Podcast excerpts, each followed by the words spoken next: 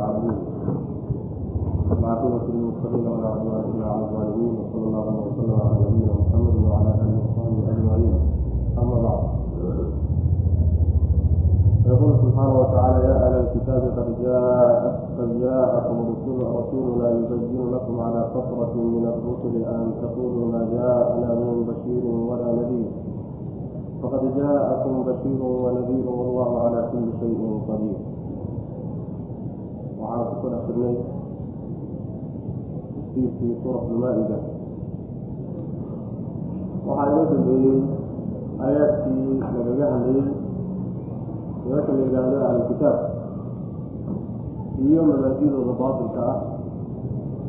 Fadeexooyin fara badan oo ay galeen lagu muujinayay ayaa inoo dambeeyey. Hadalku marka weli ayagii ayuu ku jihaysan yahay ahlulkitaabka yaa ahlalkitaabi kitaabka dadkiisiiyo qad jaa-akum xaqiiqo waxaa idin yimid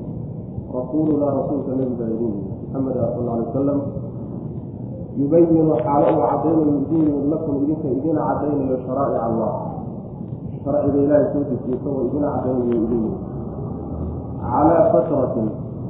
kala go' dusheed buu idinku yimid oo min arusuli rususha ka ah xilli ay rusushu kala go-een ayuu idin yimid hal taquulu wuxuu idinku yimid waxa weeye hal taquulu lianlaa taquulu si aydaan u odhanin maa jaa-anaa nooma imaanin min bashiirin mid bishaareeya walaa nadiirin middiga nooma imaanin markii aakhare laydin cadaabo saydaan ugu xudurgaaranin cidna waxa naga soo gaarta faqad jaa-akum xaqiiqe waxaa idin yimid bashiirun mid bishaareeye iyo wanadiirun dige ayaa idin yimid wallahu allana calaa kulli shayin wax walba qadiirun kii awoodo aayad la mid a ina soo hormartayo yaa ahla kitaabi qad jaa-akum rasuuluna yubayinu lakum yubayinu lakum kasiira mima kuntum tukfuun aayaddii kan ka horreysay darkiis kan ka horreya ku jirtay ayaa macnaha waxa weye macnaha kutusaysay waxaa lagu leeyahay ahlulkitaabkiyo waa yahuud iyo nasaaro rasuulka nebi baa idin yimid maxamed ah sala allahu calayhi wasalam isagoo idina caddaynaya wixii ilaahay subxaana watacaala uu soo dhiibay sharciga alla subxaana watacala wuxuu alla jecel yahay iyo wuxuu necab yahay. Waxa uu ka doonayo iyo waxa uu rabbi la rabo subxaana watacaala inay sameeyaan isagoo u caddaynayo buu yii oo yani muhimadda uu nebigu sal lla alay wasalam la yimid baa waxay ahayd atabyiin caddayn. Ama waxyaalo fara badan oo kutubtoodii hore ku taalay oo khaldeen ayuu u saxaya ama waxyaalo fara badan oo la aqoonin oo jaahil ay ka ahaayeen baa la baray. Tabyiinku sidaasay marka waxa uu yimid xilli ay rusushu kala go-day. Macnaheedu waxa weye nebiga imaanshihiisa salawatullahi wasalaamu calayhi iyo nebiyadii nebi ahaan nebigii isaga ugu xigay waqtiyaadu dheer baa u dhexeeyey. Nebi ciisaa ku xigay sida xadiidka saxiixa nebiga sal alla alay wasalam ku sugan ana awla annaasi bibni maryam. Saasuu nebigu sal alla alay wasalam ina maryama aniga dadka ugu xigay buu nebigu sal alla alay wasalam inahu laa nabiya laa nabiya baynii wa baynahu aw kama qaala sal alay wasalam aniga isaga nebi nooma dhexeeyu nebigu salawatullah wasalam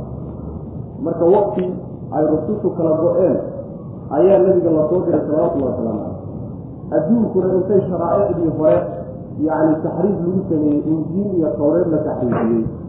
markaasi ama diino muxaraf oo la bedelay bay dadku diin ahaan haysteen ama waxyaalo ay dadku dejisteen bay diin ka dhiganayeen diin saxa oo markaa kaalayma jirto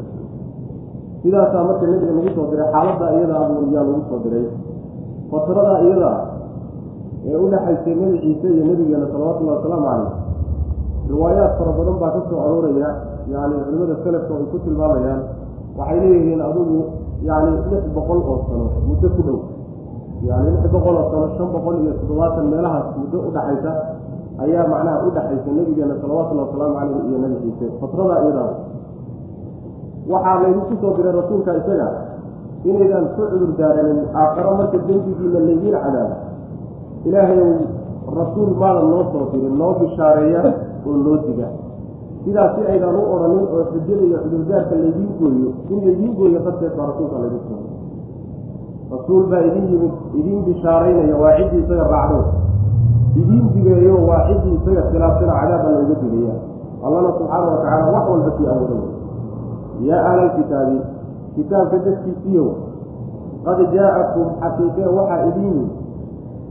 rasuulunaa rasuulka nebi baa idin yimid maxamedin sal alay slam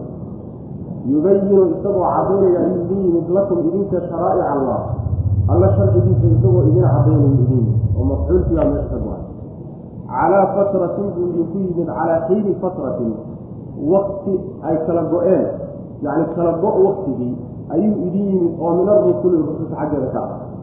yacni min arusulidaasi waxay macnaha waxa weeye ay macnaha ku tacalluqaysaa ama wasfi waxay u tahay yani ku tacalluqaysaa wasfika meesha ka go-ano macnaheedu waxa weeye calaa xiini fatratin kala go- waktigeed buu idin yimid kala go'aasoo kaa-ina fatradaasoo kaa-inatin ka ahaatay min arusuli rusus xaggeeda ka ah an taquuluu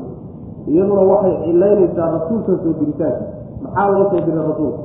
an taquuluu lianlaa taquuluu si aydaan u ohan u odhanin maa jaa-ana nooma imaanin min bashiirin mid bishaareeya oo ciddii raacday jannada rabbi ugu bishaaray walaa nadiirin mid digana nooma imaanin si aydaan u odhanin ayaanu rasuulka u soo dirnay oo in cudurdaarka laydin gooyo macna faqad jaa-akum waxaqiiqe waxaa idin yimid bashiirun baa idin yimid bishaareeye. Mid bishaaraynaya iyo wanadiirun digi isaga ayaa labadaa mas'uuliyadood iyada labadaa xilba nebigaa gudanayay salawatullhi wasalaamu caleyh ee ma aha inay laba nebi kala yacni nebi bishaaro xambaarsan iyo mid digniin xambaarsan ma isaga yacni waxa weye dadka isaga raaca ee rabbi diintiisa ku dhaqmana bishaaro u xambaarsana dadka khilaafsanaya dad garab marana digniin buu u xambaarsanaayo cadaabka alla subxana watacala uula digniyo wallahu allana calaa kulli shayin shay walba bishii qadiirun fii awalin wax cajis gelinaya ma jiro rabbi subxana watacala وإذ قال موسى لقومه يا قوم اذكروا نعمة الله عليكم إذ جعل فيكم أنبياء وجعلكم ملوكا وآتاكم ما لم يؤت أحدا من العالمين halkan waxaa laga guda galay qiso kooban oo ku saabsan reer bani israa'iil waa dhacday cahdigii nebi muuse nabiyullaahi muusa calayhi wacalaa nabiyina salaatu wasalaam waktigiisii way dhacday suuradda awalkeeda waxaan ku soo marnay in nabiyullaahi muusa uu diray laba-iyo toban nin oo nuqaba ah oo qabaa-isha reer bani israa'iil ka mida intuu soo culay inuu meel u diray oo sahan ahaan meel loogu diray. Ardul muqadasa dhulkan la leeyahay hadda laga sheekayn doono dhulkaasay sahan ahaan u aaday niman waaweyn baa dhulkaa deganaa oo jabaabiro oo xoog badan oo camaaliqo la odhan jiray. Nimankaasina niman gaalabay ahay reer bani israa'iil alla subxaana watacaala marka wuxuu ugu talagalay inay intay dhulkaa furtaan oo ay nimankaa gaaladaa ka furtaan inay dhulkaa degaan. Ardul muqadasa inay degaan baa loogu talagalay. Si iyada ahayd baa marka lagu waajibiyey intaan dagaalka la gelin oo aan macnaha tilaabo laga qaadin ayaa waxaa la diray oo nabiyullaahi muusa uu diray niman labiyo toban ka kooban oo sahan ahaan oo qabiil walba nin ka socdo. Qabaa-ilka reer bani israa'iil. Nimankii iyagaa markay meeshii tageen waa sida ay macnaha waxa weye qisadu sheegayseen markay meeshii tageen yaa waxay u tageen niman aada u xoog xoog badan. Oo aynan macnaha waxa weeye siday iyagu markay isdiseen awood ayna ulahayn la dagaalamkooda markay soo laabteen bay marka warkii waxaa laysku ogaa warka markay keenaan inaysan warka aynan bulshada iyo macnaha dadka dhexdigi mujtamac inay nabiyullaahi muusa ay u keenaan. Wixii marka dadka in loo sheego mudanna loo sheego wixii kalena laga reebo oo warka la kala gudbo. Markay meesha soo gaadheenba waxa weeye cabsidii iyo rucdigii iyo argajixii ku soo dhacay ayay macnaha waxa weye reer banu israa'iil ku dhex sheegeen oo dadkiiba u sheegay way cabsadeen reer banu israiil marka inay dagaalamaan bay ka cabsadeen oo nimankii iyaga hala dagaalama markii la yidhi ayay markaasi cabsadeen oo lama dagaalami karnay ilahay baa subxaana watacala marka xisaabay qisadaasay marka waxa weye aayaadku ka warramay wadkur waxaad xustaa nebigu id waqti xus qaala uu yihi muusa muuse uu yidhi liqowmihi qowmkiisii reer banu israa'iilaha markuu ku yidhi yaa qowmi tolkayow udkuruu waxaad xusuusataan ood xustaan. Nicmat allahi ilaahay nicmadiisa calaykum dushiina uu idinku nimceeyey id waqti ayuu idii nimceeyey jacala uu yeelay fiikum dhexdiina ambiyaaa nebiyo uu idinka yeelay yacni idinka ayuu wuxuu idinka soo saaray nebiyo wajacalakum wuxuu idinka yeelay muluukan boqorro ayuu alla idinka dhigay wa aataakum wuxuu idin siiyey maa shay ayuu idin siiyey shaygaasoo lam yuuti uusan siinin axadan ruuxna oo min alcaalamiina makhluuqa kaleeta ka mid yacni bal xusuusta baa la leeyahay nebigu waxaad u sheegtaa ummadaada markii nebi muuse uu ku yidhi reer bani israa'iil oo qowmkii iyo tolkuu ka dhashay ahaa tolkayow bal nicmada ilaahay uu idin galay idinku nimceeyay bal midaa xusuusta. Nicmadaasi waxay ahayd markuu alla subxaana watacaala nebiyo idinka dhigay yacni nebiyo dhexdiina ka sameeyo nebiyo badan buu idinka soo saaray. Reer banu israa'iil waxay ahaayeen mujtamacaadka qur'aanku uu ka warramo mujtamaca ugu nebiyo badan bay ahayd. Mar walba oo nebi dhintaaba sida xadiidka nebiga saxiixa ku sugan mar walba oo nebi uu geeriyoodaba nebi kalaa laga soo dabadirayey marka in nebiyada laga soo diro nebiyo badan laga soo diraayo taasi waa fadli weyn. Waxaa kaloo alla subxaana watacaala nicmooyinku idiin galay ka mid a mulug buu alla idinka dhigay subxana watacala boqorruu idinka dhigay. Mulugtaas laba macnoba waa suurtagal yacni boqorro iyo madax adduunkiina idiin maareeyo oo adduunka idiin maamula waa suurtagal waxaase loo badanya mufasiriintu ay u badan yihiin mulugkanta in laga wado. Nin walba oo guri iyo xaas iyo ruux u adeego oo khaadim a leh yaa waxaa la yidhahdaa melik la yidhahdaa boqor baa layska yidhahda yacni ruuxii macnaha intaaba haystaayo reer buu leeyahay gurina waa leeyahay cid u adeegto khadam ana waa leeyahay melik baa la yidhahdaa bay marka niman macnaha waxa weeye guryo lahoo xaasas lahoo dad u shaqeeya leh ayuu alla idinka dhigay subxaana watacala sidaasay mufasiriintu u badanya oo muluukanta macnaha inay tahay baa loo badanya waxaa kaleeto alla subxaana watacala nicmooyinku idiin galay ka mid a wuxuu idin siiyey wuxuusan cid kalaba siinin waxaasi wuxuu ahaa yacni laba macnaba iyadana waa suurtagalo. Maa lam yu'ti axada min alcaalamiina in laga wado fadligu alla idin siiyey uusan cid kale idinla wadaajinino waa fadli ukhrawi ah fadli aakhare iyo macnaha waxa weeye fadli ummaddu ay reer banu israa'iil ay ummadaha kale la dheriyeen in la yidhaha macnaha haddii la yidhaah waxay noqonaysaa min alcaalamiina marka in laga wado ummadihii iyo caalamkii waagay iyagu jireen noolaa ayay ka fadli badnaayeen sidaas meelo badan baa ku soo marnay laakiin ma noqonayso inay caalamiinta oo dhan fadli aan la siinin ayaga lagu gooniyoolay oo ummadda ummadda maxamediyada ka fadli badan yihiin macnahaasi ma keenayso maxaa yeelay nusuus fara badan baa ku soo aroortay oo qur'aan iyo xadiis bale reer banu israa'iil inay ummatu maxamedku ka fadli badan. Sala allahu calayh wasalam macnahaasi marka waa suurtagal oo in la yidhahdo yacni caalamka waxaa laga wadaa caalamu zamaanihi waktigoodii caalamkii jiray iyo noolihii noolaa iyo makhluuqii jiray bay ugu fadli badnaayeen. oo ayaga ayaa waxaa la siiyey waxaan makhluuqa intiisa kale la siiyey. waxaa kaloo suurtagal oo mufasiriintu ay sheegayaan maa lam yu'ti axadan min alcaalamiina in laga wado waxyaalihii khasaa'ista lahaa ee lagu gooniyeelay reer banu israa'iil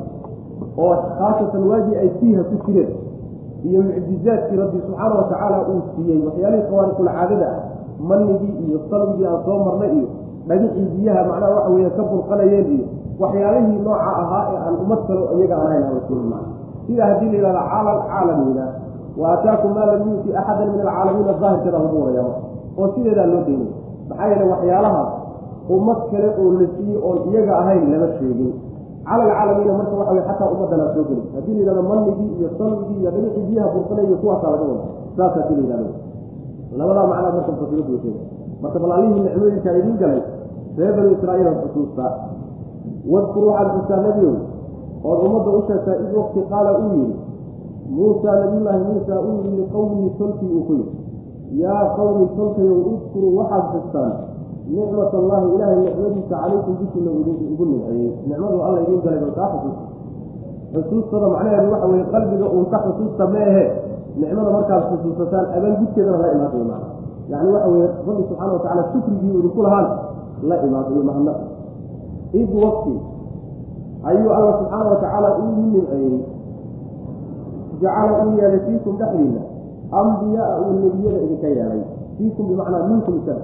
id waqti jacala uu yeelay fiikum minkum xaggiina uu ka yeelay ambiyaaa nebiye uu ka yeelay oo xaggiina ayuu nebiye alla ka doortay subxaana watacaala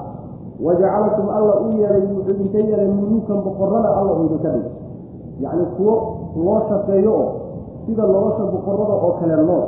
oo cidna u taliya cidday u taliyaan haba yaraatee ayagana loo shaqeeyo. Oo markaa waxay noqonaysaa gurigii iyo xaaskii iyo khadamkii iyo noqonin oo fatanqalibuu haddii aada gadaashiina u laabataan fatanqalibuu aada noqotaan khaasiriina xaalaatiin kuwa khasaara. Qaaluu waxay yidhahdeen yaa muusaa muusow inna fiiha ardadaa dhexdeeda waxaa ahaaday oo degan qowman dad ayaa degan jabbaariina oo xoog xoog badan niman xoog badan oo dadka qasba oo waxay doonahayaan dadka ku sanduleeya ayaa meeshaa degan aada gala maleen wa innaa anaguna lan nadkulahaa dhulkaa isaga aan ma gelayno xataa yakrujuu ilaa ay ka baxaan minhaa iyada xaggeeda ka baxaan. Ilaa iyagu khiyaarkooda uga tagaan oo uga guuraan annagu meeshaa geli mayno fain yakrujuu hadday baxaan minhaa ardadaa iyo dhulkaa hadday ka baxaan fa innaa anagu daakiluuna markaasaanu gelayna markaasaanu dhulkaas deegaan ugu talagelaynaayo aanu dhulkaa gelaynaaba qaala waxay yidhaahdeen rajulaani laba nin waxay yidhaahdeen oo min aladiina kuwii kamd ka mid ah yakaafuuna cabsanaya oo alla ka cabsanaya laba kuwa alla ka cabsada ka mid ah waxay yidhaahdeen labadaasoo ancama allahu ilaahay u nimceeye calayhimaa dushooda uu nimceeyey waxay yidhaahdeen udkuluu gala reer bani israa'iilow calayhim nimankaa waaweyn dushooda waxaad uga gashaan albaaba albaabka uga gala albaabka ka gala meesha yacni waxa weeye magaalada iyo ardada muqadasada albaabka ay leedahay ka galo oo nimanka macnaha weeraroo la dagaalama fa idaa dakaltumuuhu haddii aada gashaan fa inakum idinku haalibuuna kuwa adkaanayaan waxba waa weynanka kadaata ha ku kadsoomin oo ha ka cabsanine ilaahay baa idinla jiro waad adkaanaysaa. Wa cala allaahi alla dushiisana fatawakkaluu tala saarta in kuntum haddaad tihiin mu'miniina kuwa rumaysan. Haddaad ilahay rumaysan tihiinna arrinkiiyo talada isaga u dhiibtaa magaaladana gala. Qaaluu waxay yidhahdeen yaa muusaa muusow innaa anagu lan nadkulahaa ma aanu geli doonno abaddan weligeed maadaamuu intay ku daa'imka yihiin fiiha dhexdeed dhulkaa intay joogaan annagu weligana geli maynayna ee tadhab tag anta adiga iyo wa rabbuka rabbiga oo faqaatilaa dagaalama. Innaa anagu haahunaa halkanaanu qaaciduuna sii fadhiyayna halkanaanu idinku sii sugaynaaye adigii rabbigaa intaad tagto ka cadoo dagaalama macnaheedu waxa weye qisadu yacni intaas qur'aanku uu sheegay ee uu dul maray kama badinin. Axaadiista nabiguna sal alay wasalam wax faahfaahina kama ydha laakiin riwaayaat badan oo israa'iiliyaad oo kutubta reer bani israa'iil laga soo qaadqaaday ayaa kutubta tafsiirka ku taala oo qisada intan ka dheerdheeraynayso waxyaalo fara badana xataa khusacbalaad oo aan la rumayn karaynin bay macnaha ku dardaray. Sheekadaa dheer markay sheego inta qur'aanku uu sheegayahay waxay tahay nabiyullaahi muusa waxa uu ku yidhi reer bani israa'iil waxaad gashaan dhulkan daahirka dhulkan la dahiray ee ilaahay agtiisa wanaagga leh wanaagga kale dhulkaa galaba ardada muqadasada waa ardu sham dhulkale dhulka sham macnaa waxa weye filistiin iyo yacni urdun iyo suuriya iyo dhulka ay degiyen dhulkaasa macnaa waxa weye dawladaas degiyen baa sham la yidhahda waa musalaxa qadiimo. Marka dhulkaa isaga a galaba dhulkii gala dhulkaana ilaahay baa horay idinku qoray inaad degaysaan oo deegaankeeda ilaahay baa idinku talagalee dhulkaa galaba hana laabanina oo raadkiina iyo gadaashiina ha u noqoninoo amarkayga ha diidinoo ha cararina ha jabina oo dib ha u noqonina. Oo haddii aada amarkayga diidaan oo aad ka noqotaan gelitaanka ardul muqadasa aada gashaan haddaad iska diidaan oo dib u laabataan khasaaraad ma laabanaysaa marka khasaaraad ma laabanaysaan adduunkana waad khasaaraysaan aakharana hadda amarkii ilaahay iyo amarkii rasuulkiisii baad jabiseeno yacni iyadana khasaara idiin dambe saasay yidhin waxay ugu jawaabeen muuse horta waddankan aada la leedahay gal. Waddan dhayaldhayal iyo ciyaar lagu geli kara ma niman aada u waaweyn oo xoog badan oo macnaha waxa weeyaan jabaabire ah niman noocaasa horta waddanka degan annaguna nimankaasi sabar umahay mana aanu gelayno ilaa ay ka baxaan. Hadday iyagu khiyaarkooda iskaga guuraan oo ay ka daldashaan allow aan ka dabagalno oo magaa waddanka iska dego haddiise laakiin inta ay ku nagi yihiin oo joogaan annagu dhulkaa tegi mayna laba nin oo marka raggii sahanka ahaa ka mid a oo alla subxaana wa tacaala uu ammaanay oo uu ku ammaanay inay allana ka cabsanayaan. Sidoo kalena alla uu nimceeyo uga nimceeyey fulaynimadii qolyihii kale ku dhacday iyo baqashadii ku dhacday uga nimceeyey ayaa waxay u soo jeediyeen reer banu israa'iil hadal buu u soo jeediyey waxay yidhahdeen reer banu israa'iilow nimankaa waaweyn albaabka uga gala. Haddii aada gashaan ood albaabka uga gashaan idinkoo weerara ilaahay subxaana wa tacaala ballan uusa idinku qaadaya inaad ka adkaanayso marka ballanta rabbi subxaana wa tacaala ku kalsoonaada allana tala saarta oo cuskada oo isaga arrinka u dhiibta haddaad tihiin qolyo ilahay rabaysa subxana wa tacala dardaarankaasay labadaa ninna soo jeediyeen ooy ku xoojinayaan hadalkii nabiyullaahi muusa ay ku xoojinayaan markii hadalka lagu celceliyo waanada lagu celceliyey ayay markaasi hadalka damb jawaabtaba dambaysta dhiibeen waxay yidhahdeen muusow hadalku waa nagu batay. Annagu magaalada marnaba ma gelayno nimankaasi intay joogaan. Waa hadal cadli ee adiga hadday raja kaa hayso adigiyo ilaaha aada sheeganayso intaad tagto rabbigaa iyo adigu soo dagaalama annaguna halkan aanu sii fadhiyano dagaalka waanu ka joogay markaa kadib haddaad magaaladii furataanna allow aaninla soo degno waa inula soo degayna haddii kaleeto laydinka adkaanana dee waa midii aanu macnaha waxa way ka degeynin wey jawaabtaasi marka nabiyullaahi muusa ay siiyey waa jawaab macnaha aanshixumo badan baa ku aanshixumo badan iyo daradii reer banu israa'iil iyo afxumadoodii baa macnaha waxa way ka muuqata. Maxaa yeele allah subxaana watacaala uma baahna inuu cid garabsado hadduu macnaha waxa weye doonayo inuu ummad halaago inuu muuse iyo cid toona cid kale toona garabsado uma baahna. In ay ku gaabsadaan muusow adiyo ciddii ku raacaysu soo dagaalan baa macnaha waxa way ku haboonay hadday kolley kolley odhanayaan oo aynan marnaba nebiga amarkiisa aysan fulinaynin. Laakiin adiga rabbigaa soo dagaalama waxaa ku jirta anshaxumo badan baa ku jirta yaa qawmi qowmkaya udkuluu waxaad gashaan alarda dhulkii gala almuqadasati ee la tahiray almuqadasata dhulkaa la tahiray gala. Dhulkaa la tahiray waxa weye waa ardu shaamo waa dhulka ilaahi subxaana watacaala meelaha ugu khayr badan bay ka mid tahay. Maxaa yeelay rususha ilaahay uu soo diray mahbadkoodiiyo meeshii ay ku soo degi jireen halkaas waa dhulka ilahay meelaha ugu fadli badan bay marka ku jirtaa ugu khayr badan. Marka dhulkaa gala ardadaa la qadisay ee la tahiray gala. Allatii ardadaasoo kataba allahu alla uu qoray lakum idinka idiin qoray. Yacni lawxulmaxfuudku alla wuxuu ugu qoray ama wuxuu ku laazimiyey inay dhulkaa degaan oy galan lahay walaa tartaduu ha noqonina calaa adbaarikum gadaalyaashiina ha u noqonina. Oo noqoshadaa wuxuu ka wadaa ugu diiday in ay jabaan oo fulanima intay ku dhacdo ay macnaha waxa weye meesha ka laabtaan waxaa kaleeto oo iyadana soo gelaysa walaa tartaduu calaa adbaarikum. In ay amar diidaan oo amarkan uu siinayo ay ka noqdaanoo cidhibtooda ay dib ugu laabtaan. Labadaa midna ha samaynina. Oo fatanqalibuu haddii aad macnaha noqotaan fatanqalibuu aada laabataan khaasiriina xaalaadkii kuwa khasaaray macnaha khasaare iyo guuldarro unbaad la noqonaysaa. Maanta haddaad goobtan ka laabataan oo nimankan ka cabsataan qaaluu waxay dhahan yaa muusa muusow inna fiiha ardadaa dhexdeeda waxaa ah qawman dad baa ahaaday jabbaariina jabbaarka waxaa la yidhahdaa ruuxa xoogga badan ama awoodda leh. Awood ha lahaadee haddana awooddiisa dadka ku kasba. Oo waxaynan doonaynin marsiye ayaa jabbaar la yidhahda niman marka waaweyn oo xoog xoog badan oo dadka sanduleeya ayaa meesha jooga. Wa innaa anaguna lan nadkulahaa ma aanu gelayno xataa yakhrujuu ilaa ay ka baxaan minhaa ardadaa ay ka baxaan fain yakhrujuu hadday baxaan minhaa xaggeeda iskaga guuraan fa innaa anagu daakiluuna kuwa gelayaan qaala waxay dhahdeen rajulaani laba nin oo min aladiina kuwii ka mid a yakhaafuuna cabsanaya oo alla ka cabsanaya subxaana wa tacaala kuwaasoo ancama allahu ilaahay u nimceeyey calayhimaa dushooda u nimceeyey baa waxay yidhaahdeen hadalkoodi waa udkuluu gala reer bani israa'iil calayhim nimankaa jabaabirada a dushooda albaaba albaabka uga gala albaaba albaabka uga gala. Faidaa dakaltumuuhu haddii aada gashaan fa inakum idinku qaalibuuna kuwa adkaanayaan xaggay ka ogaadeen arrinkaa isaga. Arrinkaa waxay ka ogaadeen haddayba magaalada galaan oo isku dayaan in ay guulaysanayaan oo magaalada ay qabsanayaan waxay ka ogaadeen ballanqaad ilahi subxaana wa tacala uu siiyey. Ballanqaadka ilahi markuu ku kalsooyey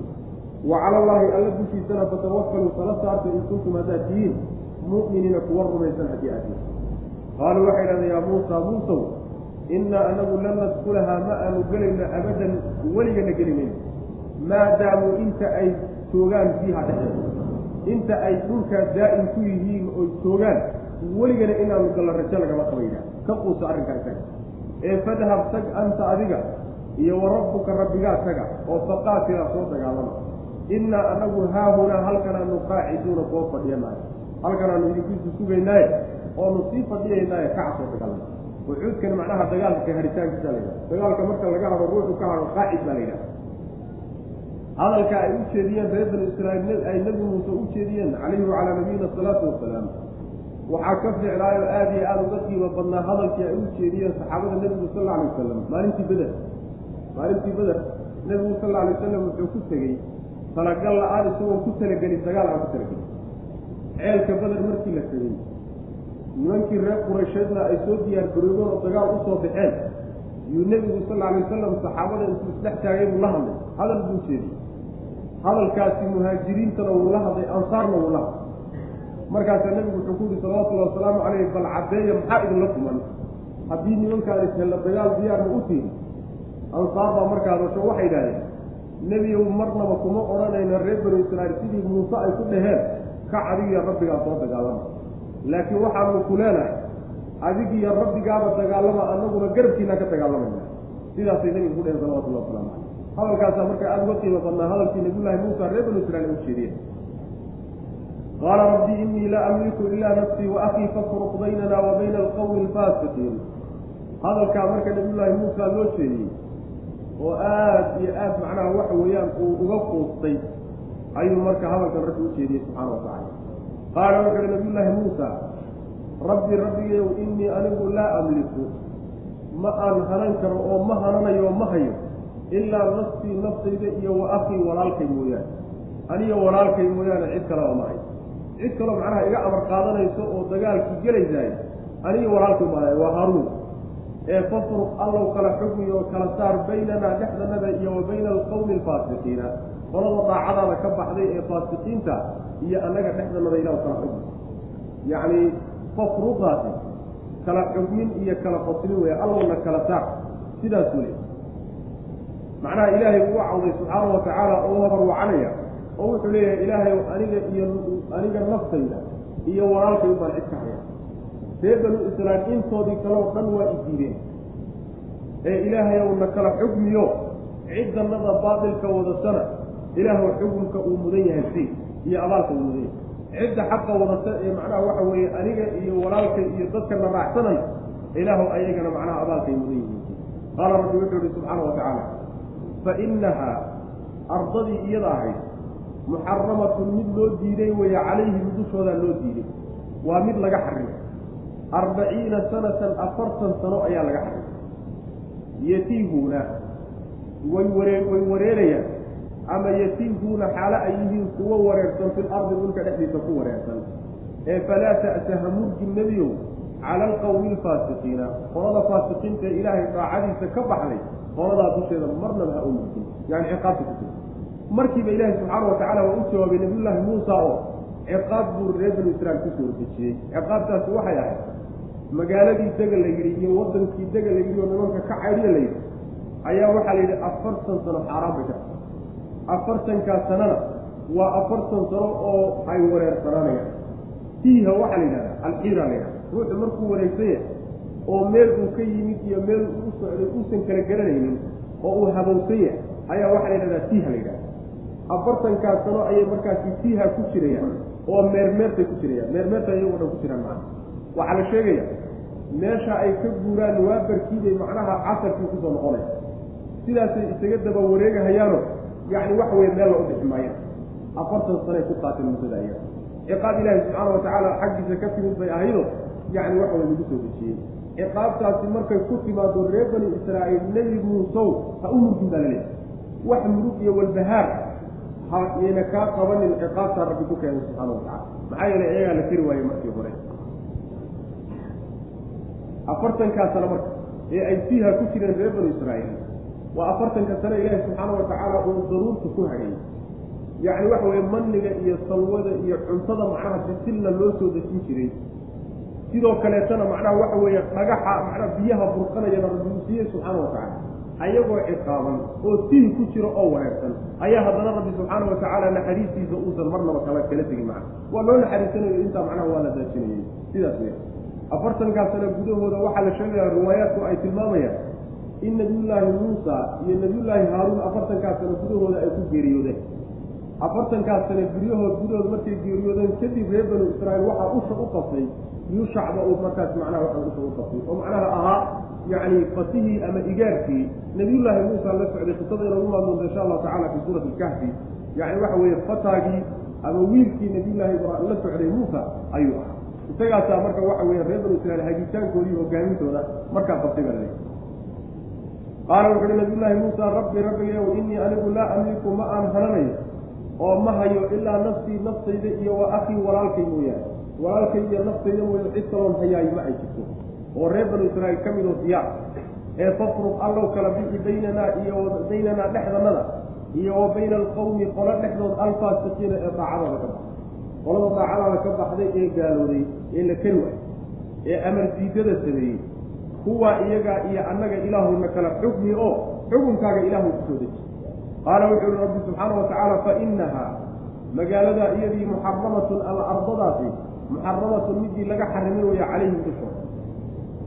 arbaciina sanatan afartan sano ayaa laga xarimay. Afartankaas sano markay dhammaadeen kadib waa midda markaa kadib la odhan doona magaaladii galo oo idinkoo macnaha waxa weeyaan rukuucsan oo macnaha foorora magaalada gala markaa kadibna ay khilaafi doonaan oo qisadii xagga inoogu soo hormartay ayaa markaa kadib dhici doonta arbaciina sanatanta waxaa suurtagal ah in muxaramatunta lagu tacalluqujiyo oo la yidhahdo waxaa laga xarimay oo laga mamnuuc maana taxriimka waxa la yidhahda macna manci baa la yidhahda.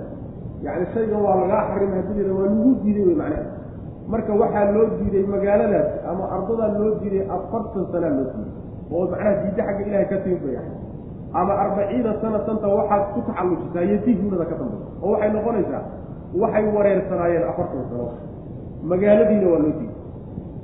Qaala wuxuu uhi fa inahaa iyadu muxaramatun ardadii muxaramatun mid laga xarimay wey calayhim dushooda ayaa laga xarimay. Arbaciina sanatan afartan sanaa laga xarimay. Yatiihuuna xaale ay yihiin kuwo wareersan fil ardi dhulka dhexdiisa ku wareersan. Ee falaa ta'taha murgin nebi muusow cala alqawmi qowm dushii ha u murgin alfaasiqiina. Daacada alla ka baxay subxaana wa tacaala. Qolada amardiidyada samaysa xuduudda alla filowday. Kuwaasi ciqaabta ilaahay ku timid ha uga murgin hana ka xumaanino macnaha walbaari watlu calayhim naba bni aadama bilxaqi id qarabaa qurbaanan fatukubila min axadihima walam yutaqabal min alaakhar. Qaala laaqtulannaka qaala inamaa yataqabal allahu min almuttaqiin qisadii nabiyullaahi muusa iyo reer banu israa'iil markii la soo gebagabeeyey ayaa halkan waxaa laga guda galay qiso kale oo ku saabsan labadii wiil ee nebiyullaahi aadam. Yacni abuurkii hore ee taranka ibnu aadamka bilowgiisii qiso dhacday baa markaasi loo xujiyey qisadii hore naqsaha iyo ujeeddada laga leeyahay waxay ahayd muujinteeda macanbignimada reer banu israa'iil iyo madax adaygooda qaybo ka mid a lagu muujinay iyo sidoo kaleeto afxumadooda iyo anshixumada rabbi subxaana wa tacaala ay mar badan la qaabilayeen taasaa macnaha lagu muujin. Qisadanna waxaa iyadana maqsaheeda iyo ujeeddada laga leeya lagu muujin rabaa waxay tahay xasadka iyo xadgudubka makhluuqa ilaahay lagu sameeyo caaqiba xumada iyo cidhib xumada ay leedahay baa lagu muujinay. Watlu wa akri baa la leeyahay nebigu calayhim dushooda waxaad ku akridaa naba abnay aadama aadam labadiisii wiil warkoodii ku akri sheekadii ku saabsaneed aadam labadiisii wiil dushooda ku akri bilxaqi tilaawatan akrin oo mutalabisatan ku dheehan bilxaqi xaq ku dheehan yacni akrin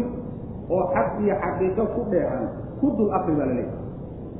id wakti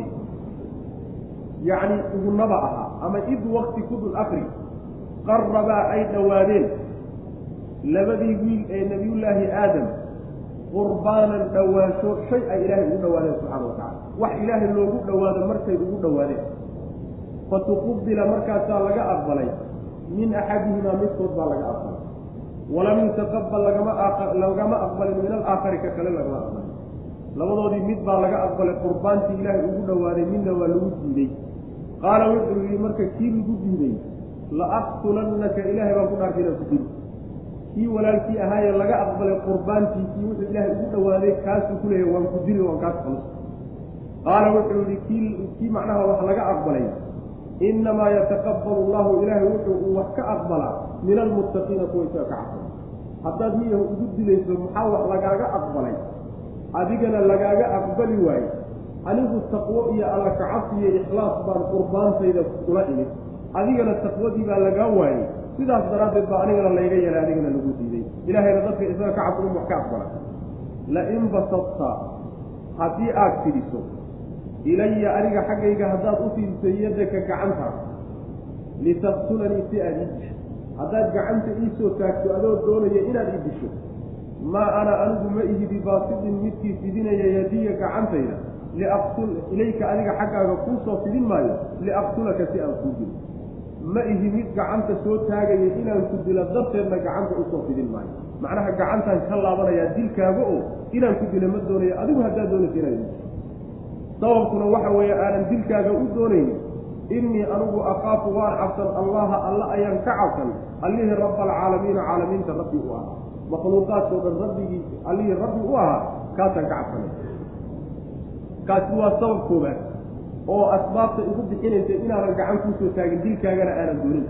Sababka labaadi waxa weeye oonan dilkaaga u doonayn innii anigu uriidu waxaan doonayaa an tabuu'a inaad laabato biismii dembigayga iyo wa ismika dembigaagaba. Dembigayga iyo dembigaagaba inaad adugu wada xambaarsataan doonaya. Oo fatakuuna markaa aada ahaato min asxaabi innaari naarta dadkeeda aad ka mid noqo sidaasaan doonaya aniguna naarta ka badbaado. Wadalika arrinkaasina jazaau aalimiina naarta yacni naartuna. Wadalika midaas oo naartigiina jazaau aalimiina dadka daalimiinta ee gardarsaday abaalkooda. Taasaa abaalgud ah fadawaca waanadaa markuu u jeediyey walaalkii oo uu macnaha dhibka ka imaan kara iyo siduusan u doonaynin dilkiisa uu sheegay ayaa marka waxaa laga warramayaa kii yidhi waan ku dili? Dilkii ma ku tillaabsaday mise kuma tillaabsanin fadawaca way u qurxiso way u sahashay. Lahu isaga nafsuhu naftiisiibaa waxay u sahashay. Qatla akhiihi walaalkii walaalkii inuu dilay naftiisii ku dhiirigelisay oo u sahashay faqatalahu markaasuu dilay oo macnaha waxa weye qoorta u dheriyay fa asbaxa wuxuu ahaaday markaa min alkhaasiriina kuwa adduuniya aakhirada ku khasaaray buu ka mid noqo yacni guuldaraa markaa u soo hoyatay oo balaaya ku dhacay. Fabacasa allaahu allah wuxuu soo diray guraaban ayuu soo diray tuke. Tukahaasoo yabxasu faarfaadhaya fil ardi dhulka dhexdiisa faarfaadhaya. Dhulka ayuu qodayaa oo yacni waxa weeye u faarfaadhaya. Wuxuu dhulka u faarfaadhayaa tukahaasi liyuriyahu kan walaalkii dilay si uu u tuso kayfa sidii yuwaari uu u asturi lahaa saw-ata akhiihi walaalkii meydkiisa si uu asturi lahaa. Wuxuu barayaa walaalkiisan uu dilay meydkiisa siduu u qarin lahaa ayuu tukahaasi inuu baruu doonayaa. Sidaa daraaddeed buu dhulka u faarfaadhaya qaala marka wuxuu yidhi ninkii walaalkii dilay yaa weylataa shallaytadayde acajaztu miyaan ka miyaan ka caajisay oo miyaan ka gaabiyey an akuuna inaan ahaado midla haada alquraabi tukahaasoo kale inaan noqdo miyaan ka gaabiyey oo fa uwaariya markaa aan qariyo saw-ata akhin walaalka meydkiisa aan qariyo. Intaa xataa ma keri waayo. oo fa asbaxa markaa wuxuu ahaaday buu rabbi leeyahay min annaadimiina kuwa qoomamooda ayuu ka mid noqday buu rabbi leeyahay subxana wa tacala qisada siday aayaadku tilmaamayaan waxay ka dhacday labadii wiil ee nebiyullaahi aadam sidaana waa sida ay jumhuuru mufasiriin ay qabaan. Ilaa qowl shaad oo odhanaya yacni labadii wiil ee nebiyullaahi aadam uu dhalay ma ahayn caruurtiisii iyo tarankiisii dambe laba ninoo ka mida u dayacay qowlkaasi waa qowl shaada laakiin jamhuurtii sida loo badaya waxa way xooga badan labadii wiil ee aadam uu dhalay ayay arrintani ka dhacay labada wiil marka magacyahooda qaabiil iyo haabiil bay ku tilmaamaan kutubta tafsiir laakiin nas cad oo marfuuca looma hayo nas cad oo marfuuca ama xadiid xagga nebi ka yimid sal alla alay wasalam ama aayad qur'aan oo magacooda in sidaa la odhan jiray haabiil iyo qaabiil la kala odhan jiray kutusaysaay ma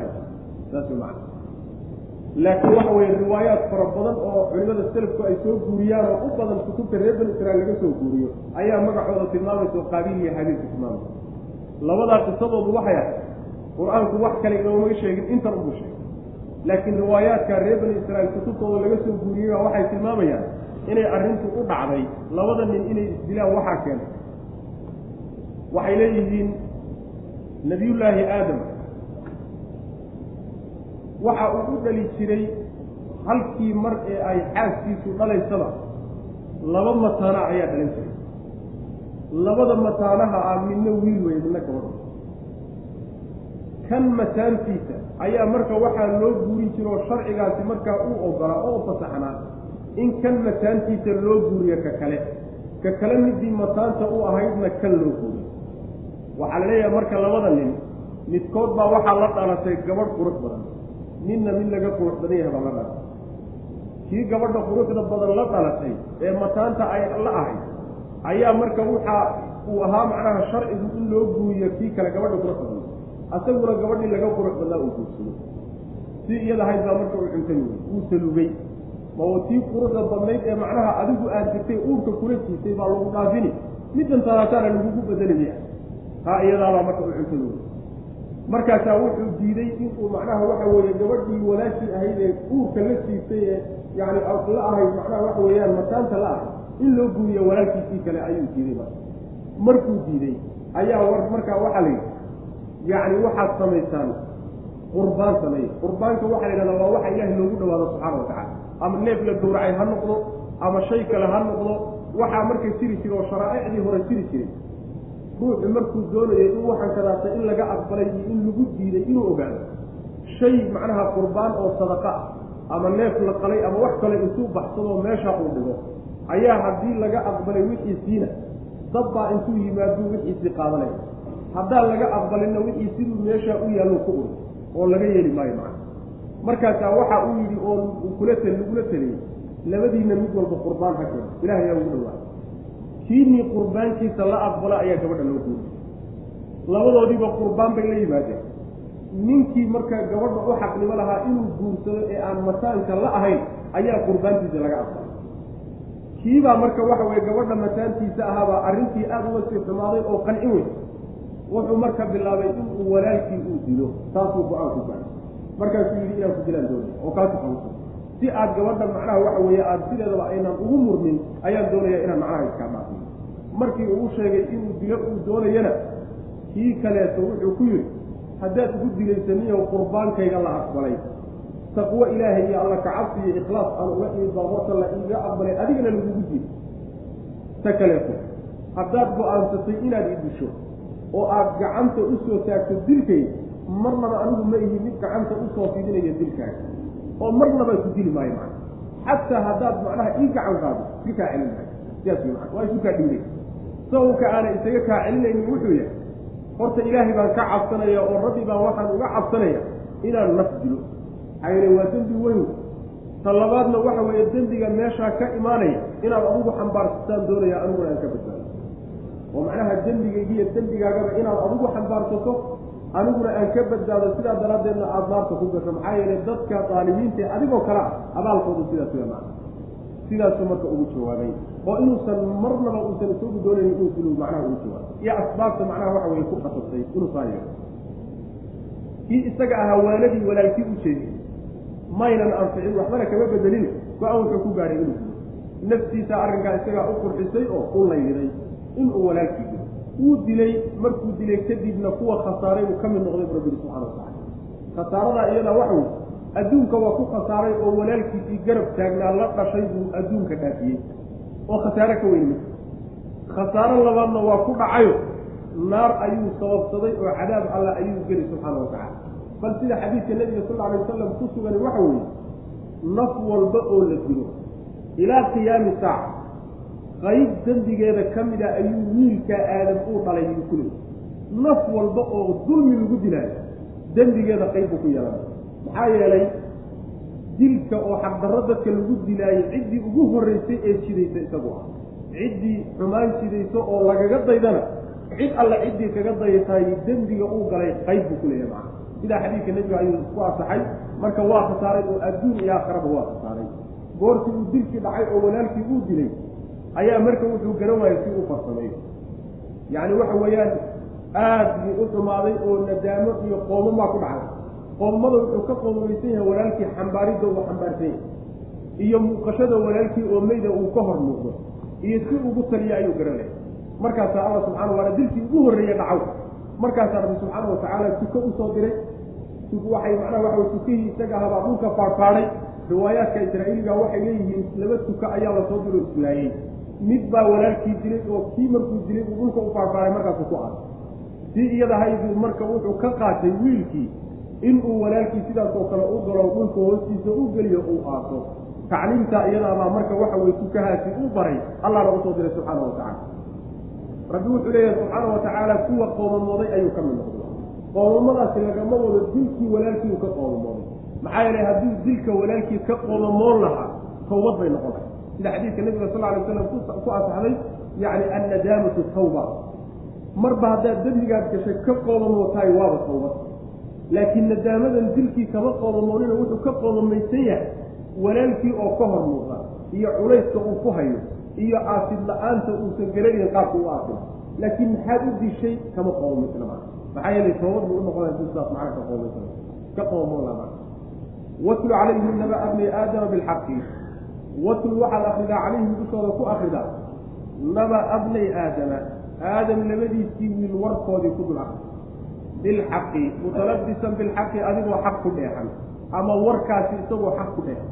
oo marnaba aan been iyo baatil iyo wax isdabamarin iyo ziyaado iyo nuqsaan marnaba aysan ku jirin. Sidii uu dhacay isagoo a macan id waqti qarabaa ay dhowaadeen labadii wiil. Qurbaanan qurbaan ay ku dhowaadeen. Wax ilaahay loogu dhowaaday ayay ugu dhowaadeen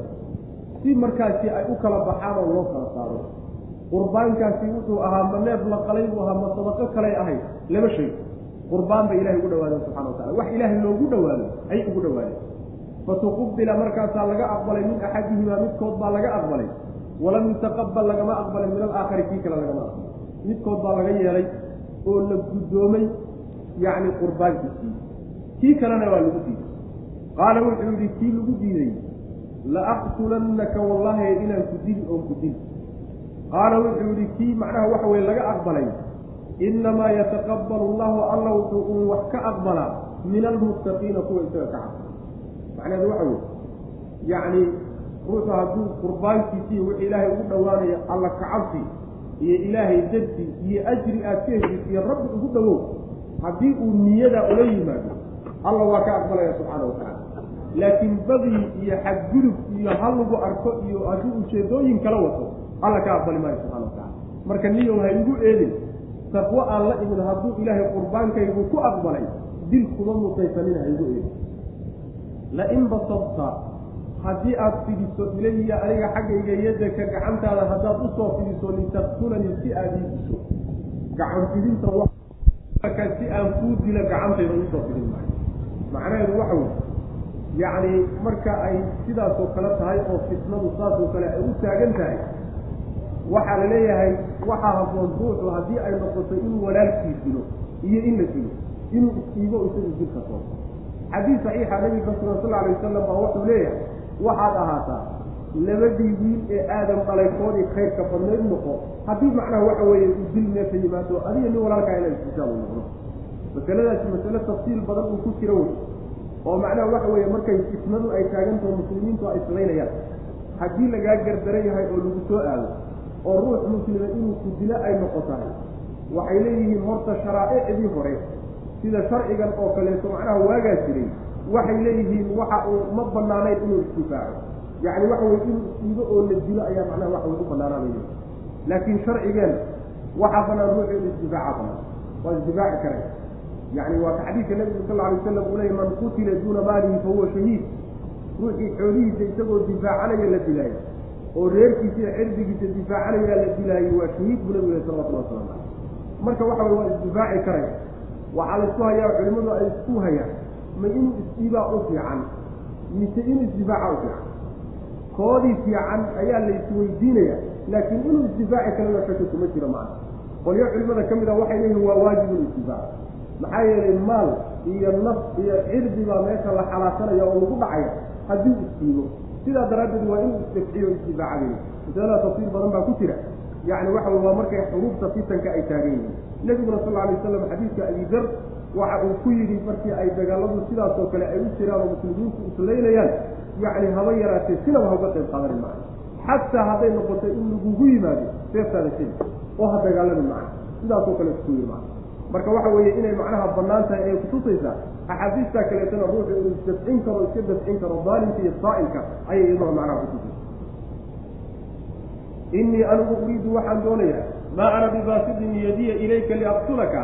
inii anigu akaafu waxaan cabsan allaha alla ayaan ka cabsanayaa rabba alcaalamiina allihii caalamiinta rabbi u ah inii anigu uriidu waxaan doonayaa an tabu'a inaad noqoto biismii dembigayga iyo wa ismika dembigaaga inaad nala labada dembi maxay kala yihiin biismii dembigayga laba macno in uu ka wado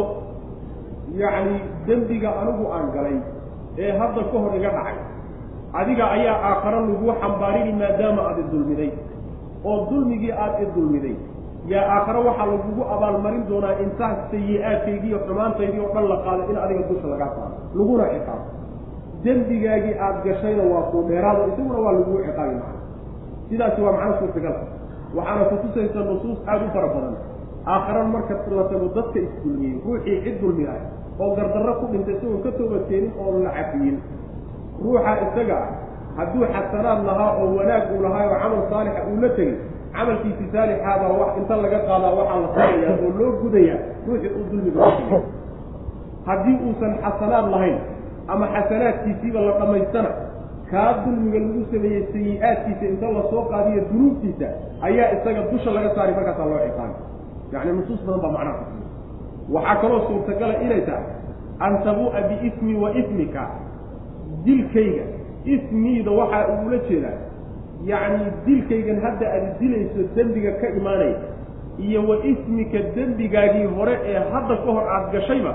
in aad macnaha la noqotaan doonaya iyadoo taasina waa suurtagal oo ismida waxaa ka mid a waxaa laga wadaa isma qatli dilkaygan hadda aad dilayso dembigiisa iyo wa ismika min qablu. Dembigaagii hore labadaba inaad la laabataan doonaya macna inii anigu uriidu waxaan doonayaa an tabua inaad laabato biismii dembigayga iyo wa ismika dembigaaga inaad la noqoto ood alla ula tagto subxaana wa tacala oo fatakuuna markaa aad ahaato min asxaabi innaari naarta dadkeeda aad ka mid noqoto wadalika arrinkaasina jazaau aalimiina kuwa gardarsaday ee dulmiga la yimid abaalkooda fadawacat way sahashay oo way qurxisay lahu isaga nafsuhu naftiisu waxay u qurxisay qatla akiihi walaalkii dilkiisa inuu walaalkii dilo faqatalahu markaasuu dilay. Faasbaxa wuxuu ahaaday min alkhaasiriina kuwa khasaaray buu markaa ka mid noqday fabacata allahu alla wuxuu soo diray guraaban tuka ayuu soo diray. Tukahaasoo yabxatu faarfaaraya oo faqaya fil ardi dhulka dhexdiisa faqaya. Yacni dhulka ayuu qodayaa oo uu faaqfaaqaya liyuriyahu si uu u tuso ayuu dhulka u faaqaya. Kaa isagay walaalkii dilay si uu u tuso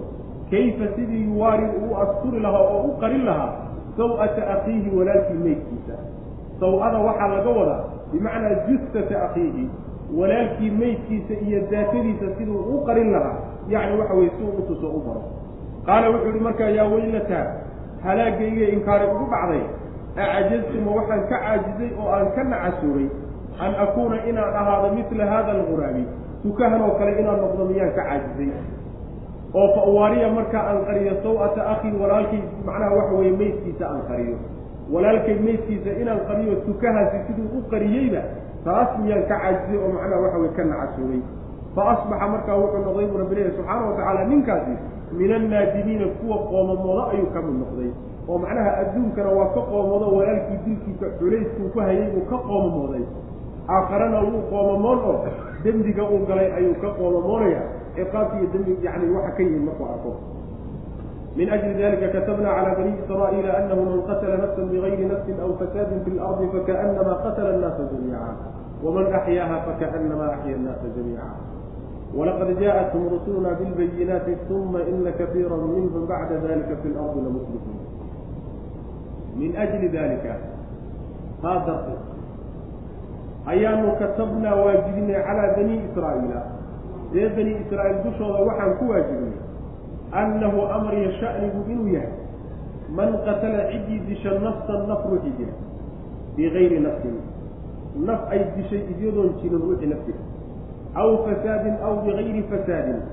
Fasaad la'aan fi lardi dhulka aysan fasaadinin ruuxii naftiga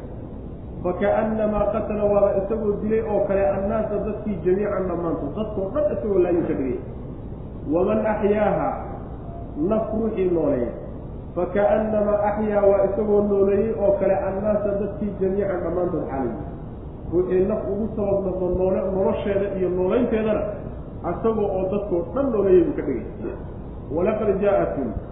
waxaa u timid reer banu israa'iil rasulunaa rasusha nabiga oo u timid bilbayinaati xujooyinkii iyo adiladii cadcadaabay ula yimaada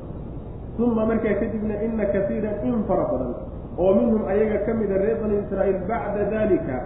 caddayntaa kadib iyo bayinaadkaa kadib fil ardi dhulka dhexdiisa lamusrifuuna kuwo macnaa xadgudbayo macnaheedu waxa weye markii dilkaasi dhacay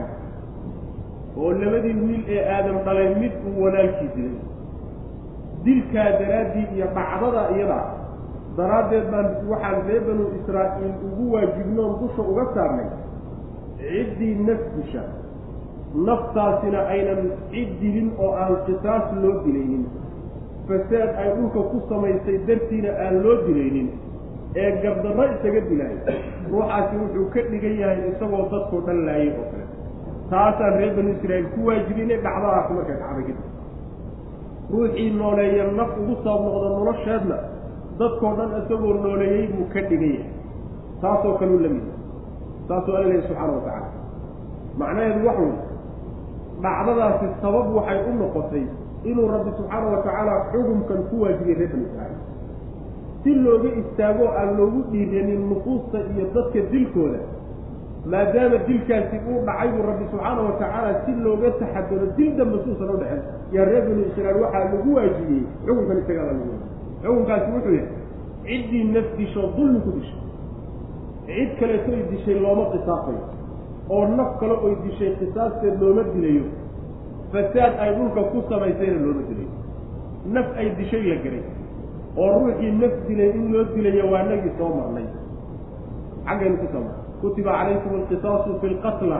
alxuru bilxuri waa inagii soo marnay.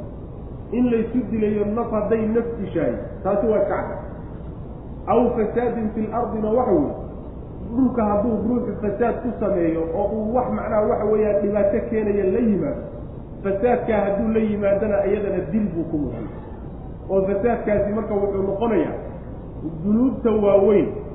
ee asaga aan ku koobnayn ee dhibaatadoodu ay dadka soo gaarayso masalan shirkigu oo kaleetu leeyahy shirki buu ka shaqaynaya masalan waa qaadicu dariiq oo waa dhuljiif wey dadkii ayaa macnaha ka nabadgeli laha masalan waxa weye wuxuu la yimid yacni mukhadiraad iyo waxyaalaha maandooriyaha buu ka shaqeeyey oo macnaha waxa weye ka ganacsanaya adduunka ku faasinay fasaadin fi lardi waxyaalaha noocaas oo kaleeta ee fasaadkee dilka keena as iyadoo naftu ayna gelin. Cidna kaleetana aan dilin ruuxii naf iska dilaay wuxuu ka dhigan yahay isaga oo dadkao dhan laayay oo kale ka dhigan yahay ruuxii naf nooleeyana wuxuu ka dhigan yahay isagoo dadkao dhan nooleeya seebuu ula mid noqonayaa sidii ruux dadkao dhan laayay oo dhan. Wuxuu ula mid noqonayaa laba tafsiir baa ku jira. Tafaasiir badan baa ku jira laakiin laba tafsiir baan maraya tafsiir waxa weeye waxaa doonanaya ibnu jariiri sabri ayaa doonanaya oo macnaha waxa uu u bogay oo wuxuu yahay tafsiirkaas waxa uu kala mid yahay. Ruuxii naf dilo oo gardarro ku dilaayo waxa uu la mid yahay ruux dadkoo dhan dhameeyey oo eber ka dhigay. Dhankeebuu kala mid yahay dhanka ciqaabku kala mid yahay. Oo ruuxii hal naf dila iyo ruuxii dadkoo dhan dhameeyaay waa mukhallad fi naar waa inaga xag ku soo mara waman yaqtul mu'minan mutacamida fajazaؤuhu jahannama khaalidan fiiha waqadiba allahu calayhi walacanahu waacadda lahu cadaaban cadiima hadduu dad badan dilana kollay mukhallad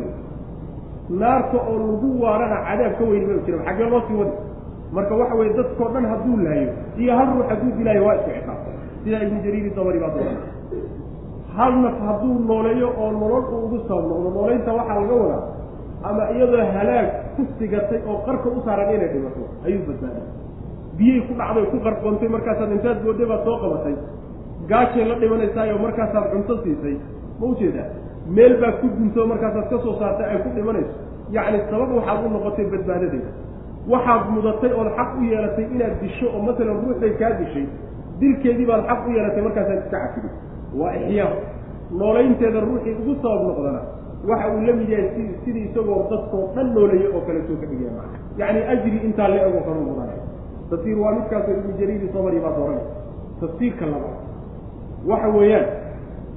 ibnu kasiir baa dooranayo waxa uu leeyahay. Waxaa laga wadaa ruuxii naf dila dilkeedana banaysa. Waxa uu la mid yahay dadkoo dhan ruux laaye oo kale maxaa yeelay hal naf ah oo macsuum ah oo dhiiggeeda uusan banaanayn ruuxii dhiiggeeda banaystaayo hadde inuu inta kalena banaystaayo waxba uma dhig waxba uma yaalo. Macnaha waxba kama xigaan yacni marba haddaad naf dhiiggeeda aad banaysato xaaraamka ah inta kaletana dhiigoodu macnaha waxa waad banaysatay haddii naf aad sabab ugu noqoto noolaynteedana yacni waxa weeyaan nufuuskooda adoo nooleeyo kalaad ka dhigan tahay sidaana macnaha waxa weye ibnu kasiir baa dooranay ibnu cabbaas waxa weye ra'yi buu leeyahay laga yara xoog badan yahay. Ra'yigaasi waxa weeye naf yacni waxa weeye hogaamiye. Imaam caabida masalan ama nin caalima oo dadka diinta bara ruuxii dilaayo dadkii o dhan isagoo dhameeyo kale ka dhigaya bule ruuxii nafta noocaasoo kaleeta ee bulshada masaalixdaa u haysta nooleeyana oo soo ugu noqdo nooleynteedana bulshadii isagoo nooleeya kale u ka dhigay. Maxaa yeelay nolosheeda iyo jiritaankeeda bulshada masaalix fara badan ugu jirtaa.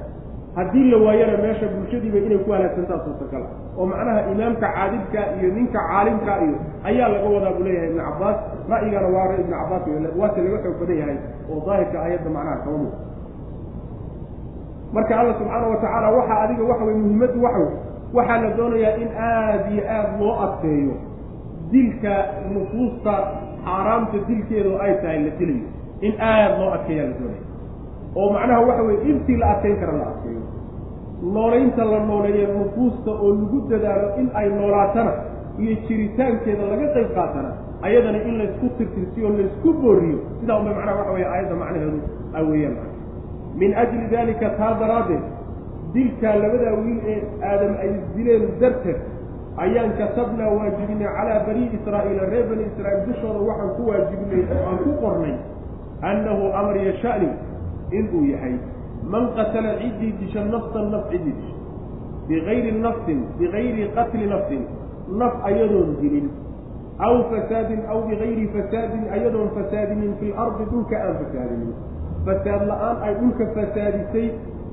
ruuxii ku dila ayadoon dhulka fasaadinin dilla aan la imaanin ruuxii iska dilo xaqdarro ku dilaayo faka'annamaa waaba isagoo qatala naasa dadkii laayay jamiican dhammaantood xaalay saasuu kale ka waman axyaahaa ruuxii naftaa nooleeyana faka'annamaa axyaa waaba isagoo nooleeyey oo kaleeto annaasa dadkii nooleeyey jamiican dhammaantood nafta ilaahay baa noolayn karaa allaana dili karee awoodda noolaynta iyo dilitaanka inagu malihine laakiin sabab ugu noqda un way macana oo waxay ku noolaan lahayd qayb ka geysta macana gacan ka geysta. Sidaasaa laga wada walaqad jaa-atum waxaa u timid qolyaha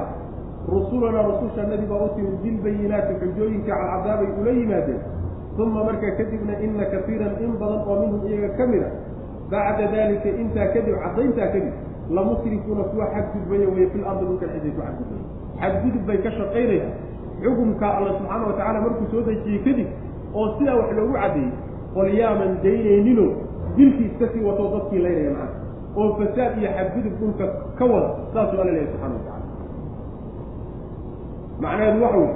hal naf ruuxii dilay haddii macnaha waxa weye goodigaa alla u soo jeedaya subxaana wa tacaala oo sidaa loogu dhaaranayo maxaad u malaynaysaa khalqi dhan dadka la oo gacan ku dhiigla ah oo ummado dhan halaagay inay halaagsamaan sabab ugu noqday ama dhaqaalakiisa ka geystay ama taladkiisa ka geystay ama gacantaba ula tegay oo laayay ruuxa noocaas oo kaleeta maxaad u malaynaysa wax badan baa dambeeya wax badan ayaa dambeeya dad badan oo macnaha waxa weye la tirsanayo cidhixidada ay u dambayn doonaan alla subxaana wa tacala haynaga badbaadiye goobjoog baa loo noqon doona waxa layska sahladay iyo dhiigga layska sahladay ee noqday oo kaleeto sidii macnaha waxa weye kaneeco aad gacantaada ku burburisay ka sahlanaaday biyo aad kabanaysa ka sahlanaaday oo kaleeto. Xisaabtiisu waa dambe. Waa la isla xisaabtami doona rabbina subxaana wa tacaala marnaba ma uu cafin doono dulmigaa la gelaya ee khalqigiisa iyo makhluuqiisa laga geli doono laga gelaya rabbi mau cafinayo subxana wa tacala ilaa wa ilaaba waa lagaa goy waa lagaa goyn macana maxaa yeele xuquuqda aadamiga rabbi subxaana watacaala waa kii u gudayo sidaana rabbi subxaana watacala isagaa noo sheegay la iska ilaaliya marka xaqdarrada iyo dilka xaqdarrada iyo dulmiga iyo xadgudubka xaqdarrada hala iska jiro macaha cihidtiisu ma ay fiicnaa aad bay u cirxiya inamaa jazaau aladiina yuxaaribuuna allaha warasuulahu wayscawna fi lardi fasaadan an yuqataluu aw yusallabuu aw tuqataca aydiihim waarjulahum min khilaafin aw yunfaw min alard. Dalika lahum khizyun fi dunya walahum fi laakhirati cadaabun cadiim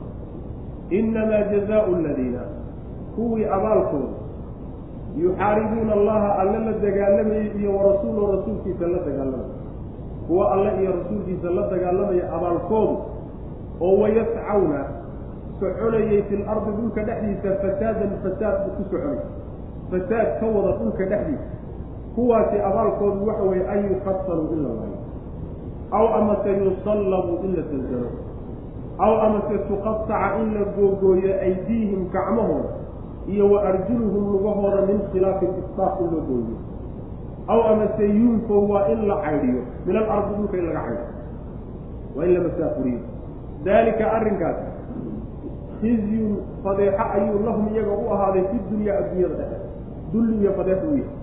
walahum waxaa u sugnaaday fi laakhirati aakhara dhexdeedana cadaabun baa u sugnaaday cadiibun oo weyn aayaddu waxay ka hadlaysaa dadka la yidhahdo qudaacu turuqa.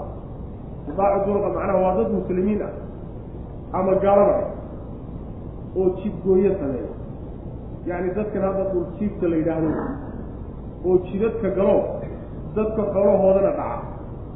Laaya kuwaa iyagaana la yidhahda udhaa cudurqad aad maqashaan kuwaasi. Aayaddu marka kuwaasi abaalkooda iyo xukunka ilaahay agtiisa ay ku leeyihiin adduuniya aakharada ayay tilmaamaysaa waxay ku soo degtay baa la leeyahay niman la yidhahdo xuraniyiin. sida macnaha saxiixu bukhaari ku soo aro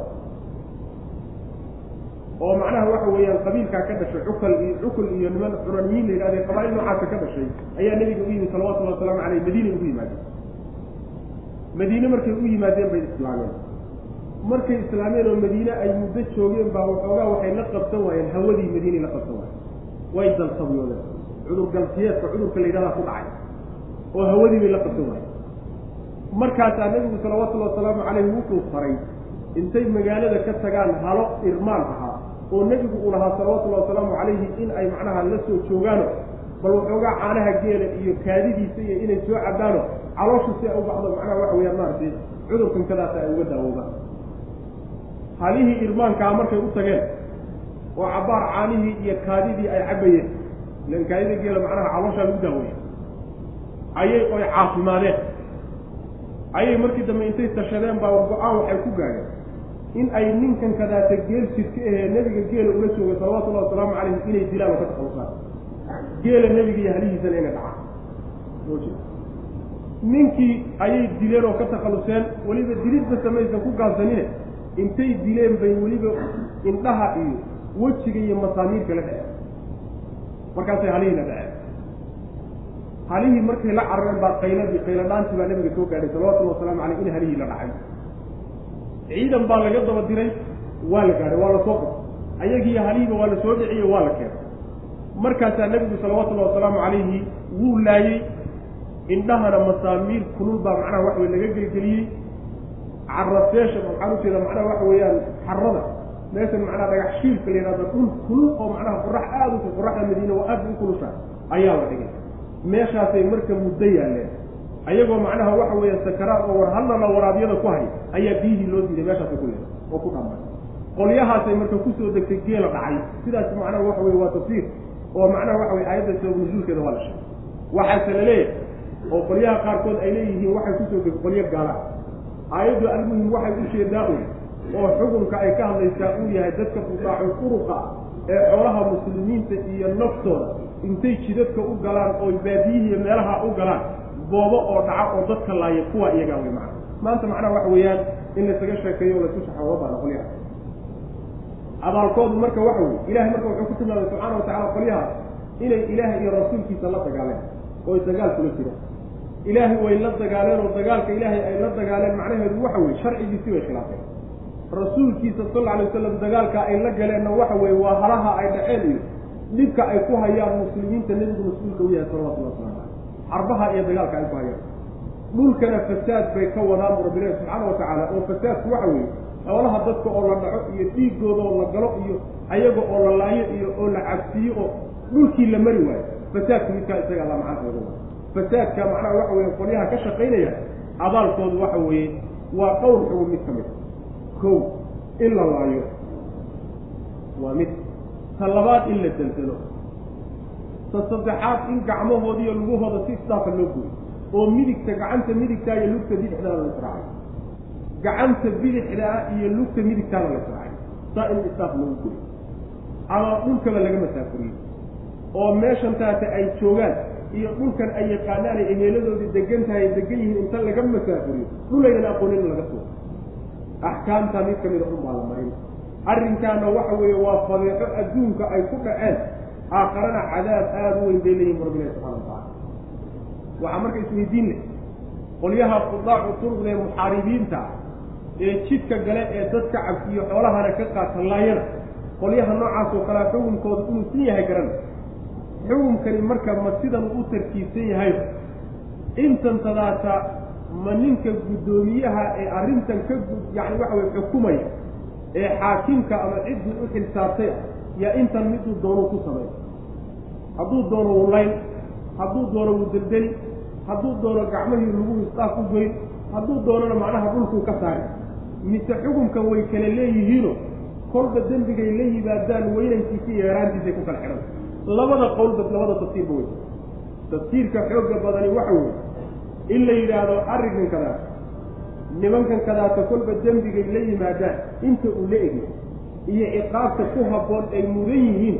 waxaa ku ijtihaadaya ninka xaakimka ee muslimiinta markaa u taliya ee ka ka go'aan qaadanaya laynkooda isagaa marka khiyaar wuxuu u leeyahay in uu laayo waa mid. In uu deldelo deldelidaasi ma dilkay ka tahay salbiga waxaa la yidhahdaa ruuxa in la xidho oo meel inta gacmihiiyo lugaha sidaa loo xidho yacni waxa weeye shafkiisana la baneeyo sida dadka la tooganayo lagu samayn karo salbiga la yidhahda marka waxa weeye salbigani ma ciqaab gooniya oo madax bannaanba oo ruuxii oo nool baa salbi lagu samaynay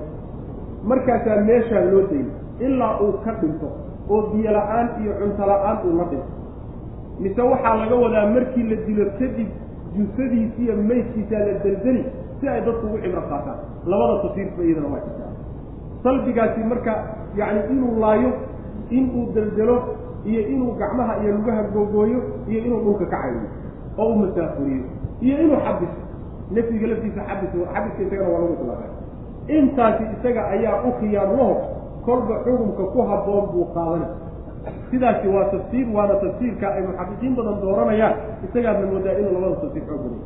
qolyo waxay leeyihiin mufasiriinta ka mida iyo fuqahada. Waxaa laga wadaa kolba dembiga ay galaan. Yacni ninka xaakimkaa ma ijtihaadi kare ee kolba dembigay galaan ayaa macnaha waxa weye ciqaabtani uu ay ciqaabtani kala saaran. Oo macnaheedu waxa weye hadday dil keliyata ku gaabsadaan oo nimankan kadaatay dhuljiifta ay dad laayaan laakiin xoola ayna dhicin. Dadna aynan cabsiinin wax ay laayaan keliya ciqaabta la marinaya waxa weeyaan an yuqataluu waa in la laayo hadday isku daraan dil iyo xoolo ay qaataan hadday isku daraan. Ayadana waxaa la marinayaa waa la layn waana la deldeli xoolana waa qaateen oo waa dhaceen dadkiina waa layn. Yuqatalu aw yusallabu labadaasaa la isugu daray. Haddii ay xoolo keliya qaataan cidna aynan dilinna waxaa lagu samaynayaa lugaha iyo gacmaha istaaf loo goynaya lama layna waa hadday xoolo keliya qaataan haddayna xoolo qaadanin dilna aynan la imaanin laakiin ay dadka cabsiyaan oo jidadkii laga mari waayo wax kaloo laakiin ay la yimaadeen aysan jirinna waa la masaafurin. Sidaasaa loogu qorshayn oo kolba dembigay galeen bay ciqaabtani ku salaysantah oo u qaybsan tahayna fuqahada iyo mufasiriinta qaar ka mid a labadaa tafsiirba waa laba tafsiir oo jira. Midka horaase xoog badano in ay arrintu u taallo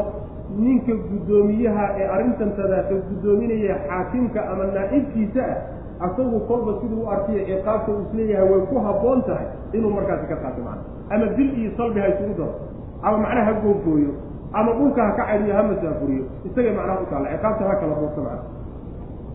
innamaa jazaau aladiina kuwa kuwii abaalkooda yuxaaribuuna allaha alla la dagaalamayo iyo warasuulahu rasuulkiisa la dagaalamayo ilaahay diintiisay khilaafeen rasuulkiisana waa la dagaalameenoo yacni muslimiintii oo nebigu ka mid yahay salawatullahi wasalaamu calayhi bay dagaal kula jiraan oo wayascawna soconaya fi lardi dhulka dhexdiisa ka shaqaynaya fasaadan fasaad ka shaqaynaya. Fasaadka waa kaynu soo marnayo wax walba oo fasaad la odhan kara ayaa lagu islaaqaya waxaa loo deliishadaa hadda oo culimmadu ay u deliishadaan dadkan maandooriyaha ka shaqeeya mukhadiraadka ka shaqeeya dadka noocaasoo kaleetaa in la laayo oo dhegta dhiigga loo daro waxaa loo deliishadaa wayascawna fi lardi fasaada. Maxaa yeelay hal naf oo la dilo hal naf oo la dilo. Iyo intaad maandooriyo adduunka ka soo dhoofisay inaad waddan keento intaasoo khalqi caqligoodi iyo maskaxdooda aad ku ciyaartahay. Waxaa ka weyn macnaha waxa weye dembiga kale uu galay baa ka weyn. Aw fasaadin fi lardidaa marka way furan tahayo wax walba oo markii culimadu ay ijtihaadaan fasaad dil keeni kara ay u arkaan ayaa soo gelaya markaas maa ma xidna marka aw fasaadin fi lar aw wayascawna fi lardi fasaada an yuqataluu abaalkoodu waxa weye inamaa jazaau ladiina waa ka macnaha waxa weeyaan jazaa-uda khabarkeedu waa abaalkoodu waxa weeye an yuqataluu in la laayo aw amase yusallabuu la zalzalo aw amase tuqataca in la googooyo aydihim gacmahooda iyo waarjuluhum waarjuluhum lugahooda min khilaafin si isdhaafa in loo gooyo yacni midig iyo bidixba in laysu gooyo aw amase yunfow in laga masaafuriyo oo laga cadiyo min alardi dhulka laga cadiyo nafyiga in ay tahay dhulkii ay deganaayeene ay yaqaaneen ee eheladoodu deganeed ha laga masaafuriyo dhul enan aqooni ha la geliyo sida ruuxa zaaniga aba markuu zinada galo oo la ciqaabo xadda laga oofiyo masaafurinta loogu daray ciqaab inay noocaasa taa waa suurtagal. Waana tafsiir mufasiriinta qaar ka mid ah mareen waxaa kaloo suurtagala in laga wado aw yunfuu min alardi qaar waxay leeyihiin waxaa laga wada ha la raacdaysto oo hala ha la dabagalo ilaa laga soo qabanayo ama dhulka muslimiinta intay ka baxaan gaalada ay u galayaan saas maana aw yunfaw min alard. Dhulka in laga cadhiyo laga masaafuriyo sidaa iyadana waa tafsiir kalo dalika arrinkaasi khizyun fadeexa iyo dulliguu lahu iyaga u yahay fi dunya addunya dhexeeda walahum waxaa usugnaaday fi laakhirati aakhira dhexeedana cadaabun baa usugnaaday cadaabkaasoo cadiimu ila aladiina kuwa mooyaane taabuu toobad keenay min qabli an taqdiruu intaydaan awoodin calayhim dushooda faclamuu waxaad ogaataan ana allaha alla kafuurun uu midkii dembi dhaafa raxiiman oo naxariis. Qolyaha sidaa loo ciqaabayo waxaa laga soo reebaya ee qudaacu duruqda dhuljiifta waxaa laga soo reebaya qolyaha intaydaan gacanta ku dhigin toobadkeena markii lagu soo duulay intaan la qaqabanin oo aan yacni gacanta lagu dhigin ayuu ka toobad keenay oo uu ka soo noqday wixii o dhan kaasoo kaleeta isaga gacanna la goyn maayo lana dili maayo lana deldeli maayo lana masaafuri maayo. Kaa isaga waa laga soo ilahi subxaana wa tacala waa dembi dhaafaa. Oo hadduu toobad la yimaado rabbi waa dembi dhaafaya subxana wa tacala tawbadaas laga aqbalaya rabbi ka aqbalaya waxaan ku jirin bay leeyihiin culimada badankood wixii uu dadka ka galay. Hadduu dhiig galay ama dhaqaale iyo xoolo uu dhunsaday oo uu dadka ka galay looma dhaafayaa dushiisa. Xataa hadduu toobad keeno intaan la qabanin hadduu toobad keeno xaqii ilaahay uu ku lahaa iyo xuduuddii rabbi ku lahaa unbaa ka dhacay. Laakiin xooluhu dad xuquuqday dadku ku lahaayeen waa lagu leeyaha wuu gudayaa bay leeyihiin macana ila aladiina kuwii mooyaane taabuu toobad keenay min qabli an taqdiruu intaydaan awood u helin calayhim dushooda yacni intaydaan qabanino aydaan yani gacanta ku dhigin. Ka hor faclamuu waxaad ogaataan ana allaha alla kafuurun inuu yahay midkii dhaafa raxiimun oo naxariis yacni ilaahay waa u dembi dhaafaya waana ka toobad aqbalaya. Idinkuna malihidin inaad xaggaa la soo sheegay ka oofisaan laakiin wixii xuquuq aadami ah oo ay dadka ka galeen dushay ka saaran tahay waa inay gudaan sidaasay culimadu u yaa ayuha aladiina aamanuu itaquu llaha wabtaguu ilayhi alwasiilata wajaahiduu fii sabiilihi lacallakum tuflixuun. Yaa ayuha aladiina kuwa aamanuu rumeeyeyow ittaquu llaha alla ka cabsada oo wabtaguu waxaad dalabtaan ilayhi intii alla ka ah alwasiilata mid aad ku gaadhaan waxaad ilaahay ugu dhowaataan raadiya wajaahiduu jihaada fii sabiilihi jidkiisa ku jihaada lacallakum tuflixuuna si aad u guulaysataan u yimaadaan axkaamtaa la soo sheegay ee dilka iyo qutaacu duruqda iyo gaalada loogu talagalay waa kuwa maanta oofintooda haddii maanta la oofin lahaa oo axkaamta la dabaqi lahaa waxyaalo fara dhibaatooyin fara badan baa xal laga laha dadkan kadaasa dugaaga noqday ee dadcunka noqday wax kale oo lagu zajirin karo ama lagu qaban karaayo ama lagu soo afjari karo dhibkooda ma jiron xuduudda ilaahay ma jirto subxana watala xuduudda allan baa lagu soo afjari karaa. Haddii midka qaadicu dariiqee jidka taagan ee macnaha waxa weeye waraabaha kaas isaga ah haddii inta mid laga qabto hal mid asagoo lug iyo gacan go-an oo gurguuranahaya maalinta dambe masaajid ay ku arkaan magaalada ku arkaan. Nin dambe jid istaagi maayo. Nin dambe oo jid istaagaya ma uji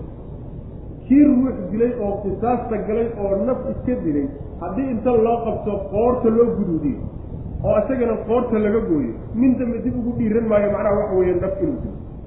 kii tuugga ahaayee xoolaha xadxadahayay haddii inta loo qabto cuma cunta laga gooyo oo gacanta laga gooya nin dambe ku dhiiran maayo xoola xad. Waxaasaynu dhowranaynaa o difaacanaynaayo wiilasheeni iyo carruurteeni oo yani waxa weye ansaal loo taaban karin. Ilahay baa inagu ciqaabay subxana wa tacala ayagaana yani waxa weyna baabiin inagii baana difaacanay kuwiina baabiinayna difaacanay subxana wa tacala ilaa aan u soo noqono sharcigan oo aynu dabaqnana oo xuduudda rabbi subxaana wa tacaala la istaashiyana sharci walba haddaan qaado oo dawlad walba xoog badan ay dhalatahay dhulsiif ma dhammaano waadna ogaan doontaa? Meelo yar baa macnaha laga dabaqay sharciga oo intii hadda mushkilada soomaalida ay jirtay.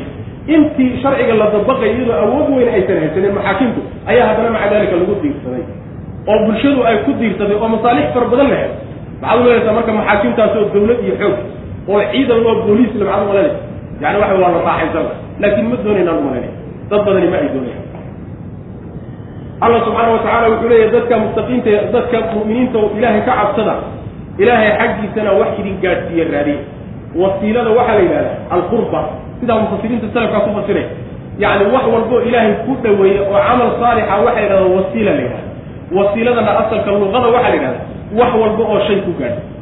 jidka wasiila la yidhahdaa xadhigga wasiila la yidhahdaa shay walba oo shay ku gaadhsiiyaba wasiila la yidhahda wasiilada marka camalka saalixa la yidhahdaa ilaahay buu ina gaadhsiinay iyo sawaabkiisa iyo jannadiisa iyo khayrkiisa ayuu ina gaadhsiinay. Middaa raadiya buu rabbi ilahi subxana watacala camalkaa saalix ee alle aad ku gaadhaysaan mid ka mid a la tilmaamay oo jihaadkii ah. Jidka ilahay ku jihaaday si aad u liibaantaan. Saasuu alla lehy subxana watacala wasiilada marka macnahaas la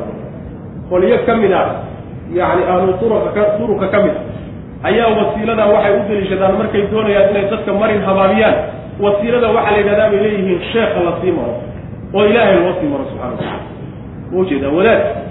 Ama weliba ku magacaabo waxaa doonta ku magacaw ilaahay loo sii maray alle ku sii gaadhsiinahaye isaga sii marid la'aantiisa alle aanan baryi karayninba ayaa wasiilada la yidhahda axad selafka iyo qalabka ka mid a oo wasiiladaa ku fasira sheekh dhexdhexaad oo ilaah iyo adiga idin dhexeeyaa la yidhahdaa ma u jiro waa tafsiir macnaha taxriif ilahay kitaabkiisa la taxriifinayo wasiilada camal saalixa oo ilaahay loogu dhawaanaa wasiilada macna sidaas macnaha saxiixa macnaha selafka ay ku fasirayaan yaa ayuha aladiina kuwa aamanuu rumeeyo rumeeyeyow ittaqu llaha alla ka cabsada. Macaasidana iska ilaaliya wabtaguu waxaad dalabtaan ilayhi isaga intii kaa alwasiilata shay idin gaadhsiiya. Dhaaca idin gaadhsiisa dalba.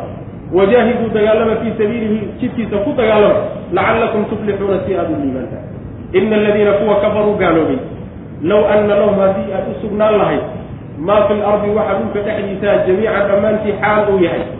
iyo wa midlahu isagoo kale macahu la jirankiisa xaalo u yahay. liyaftaduu si ay isugu furtaan bihi isaga min cadaabi yowmi alqiyaamati qiyaamada maalinta qiyaamada cadaabkeeda inay isaga furtaan darteed maa tuqubila lagama aqbale minhum xaggooda walahum waxaana u sugnaaday cadaabun baa u sugnaaday aliimun oo xanuujiya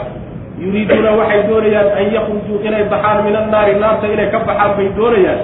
wamaa hum mana aynaan ahaanin bikhaarijiina kuwa ka bixi kara minha xaggeeda kuwa ka bixi kara mayna walahum waxaana u sugnaaday cadaabun baa u sugnaaday muqiimun oo joogta u rabbiya subxana watacala haddii dadka mu'miniinta ah rabbi subxaana wa tacaala uu abaal u sheegay oo liibaan inay leeyihiin u sheegay qolada gaalada ah baan ku xijiyey abaal qolada gaalada ah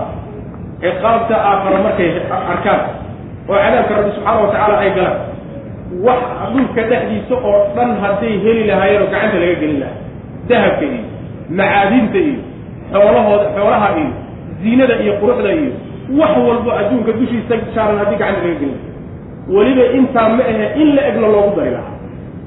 Si ay cadaabka ilaahay iskaga furtaan oo maalinta qiyaamada madax furasho ahaan ay ugu dhiibaan lagama yeeleen bu rabbilahi subxana wa tacala laga yeeli maayo. Marnaba laga aqbali maayo. Cadaab xanuun kulun bayna leeyihiin bu rabbilahi subxaana wa tacaala cadaabkaa markay galaan waxay isku dayayaan inay ka baxaan mana ay ka bixi karaan bu rabbilahi subxana wa tacala cadaab joogtaa leeyihiin sidaas way macana yacni waxa weeya kulamaa araaduu an yakhrujuu minha uciiduu fiiha yacni mar walbay isku dayaan inay cadaabka ka soo baxaan madaxa inta gud lagala dhaco ayaa dib loogu celiyay halkaasay marka ku abaalayaan oo ku waarayaan macana wax wax u tarayana ma ajir marka waxoogaagankaasa biribiriqan adduunyo ee aakhiradiini iyo jannadiisii ku aad ku iibsateen cadaabna idinku soo noqonayaayo wax macnaha caqligal ah ma ah. Wax u dhigmo macnaha dhibaatada ka dhalanaysana ma ah. Sidaa daraaddeed iska jiro. Ina aladiina kuwa kafaruu gaaloobay low anna lahum haddii ay u sugnaan lahayd maa fi lardi waxa dhulka dhexdiisa ah jamiican dhammaantii xawi wa midlahu iyo waxa dhulka dhexdiisa oo kale macahuna jirankiisa xaalowey intaa dhulka taalla iyo in kaloo lagu daray hadday lahaan lahayn liyaftatuu si ay isaga furtaan bihi madkuurkaa la sheegay si ay isugu furtaan min cadaabi yawmi alqiyaamati maalinta qiyaame cadaabkeeda si ay isaga furtaan haddii ay intaa lahaan lahaayeen oo heli lahaayeen maa tuqubila lagama aqbaleen minhum xaggooda walahum waxaana u sugnaaday cadaabun baa u sugnaaday aliimun mu'limun oo xanuujeenay yuriiduuna waxay doonayaan an yakhrujuu inay baxaan min annaari naarta inay ka baxaan bay isku dayayaan oo doonayaan. Wamaa hum mana aynan ahanin bikhaarijiina kuwa ka bixi kara minha xaggeeda walahum waxaa u sugnaaday cadaabun baa u sugnaaday muqiimun oo joogta ah. Wasaariqu tuugga iyo wasaariqatu haweenayda tuugta ah faqdacuu gooya aydiyahumaa gacmahooda gooya jazaan abaalmarin daraanteed u gooya bimaa kasabaa waxay shaqaysteen darteed. Nakaalan ciqaab darteed oo min allah xagga alle ka ah. Ciqaab xagga alle ka timid darteed ama biijin darteed aad ku biijinaysaan yacni waxa weeye u gooya. Wallahu allana casiizun midkii haalib a weye xakiimun oo falful faman taaba ciddii toobad keena min bacdi dulmihi gardarrada iyo dembiga uu galay ee tuugnimada ah kadib ruuxii toobad keena oo wa aslaxa hagaajiyo wixii uu hadda ka hor xumeeyey fa ina allaha alla yatuubu wuu ka toobad aqbali calayhi dushiisa. Maxaa yeelay ina allaha alla kafuurun midkii dembi dhaafo raxiimun halkan waxaa laga galay xad kaloo xuduudda sharciga ka mid xadda dilka ayaan soo marnay xaddulmuxaaraba iyo qudaacu duruq xaddoodana waan soo marnay. Xaddanna waa xadda tuugga wey tuugga iyo qaadicu dariiqa waxaa u dhexeeya qaadicu dariiqa waxaa la yidhahdaa ninka intuu baadiyaha iyo meelaha waddooyinka uu galo xoog ku qaata xoolaha oo booba ma ujeeda ama isagu qori afkii ha adeegsado ama awood kaleba ha isticmaaleen kaa qaadicu dariiq ba la yidhahda xukunkiisana waa kii aan soo marnay. Taariqa iyo tuugga waxaa la yidhahdaa isagu ninka u dhunta oo xoolaha qaata isagoo la arkay. Si qarsoodiya ruuxa xoolaha ku qaata ayaa waxaa la yidhahdaa taariqa la yidhahda labada xugun bay marka kaleeyihin ruuxa taariqa marka ama haweeney ha noqda ama nin ha noqdee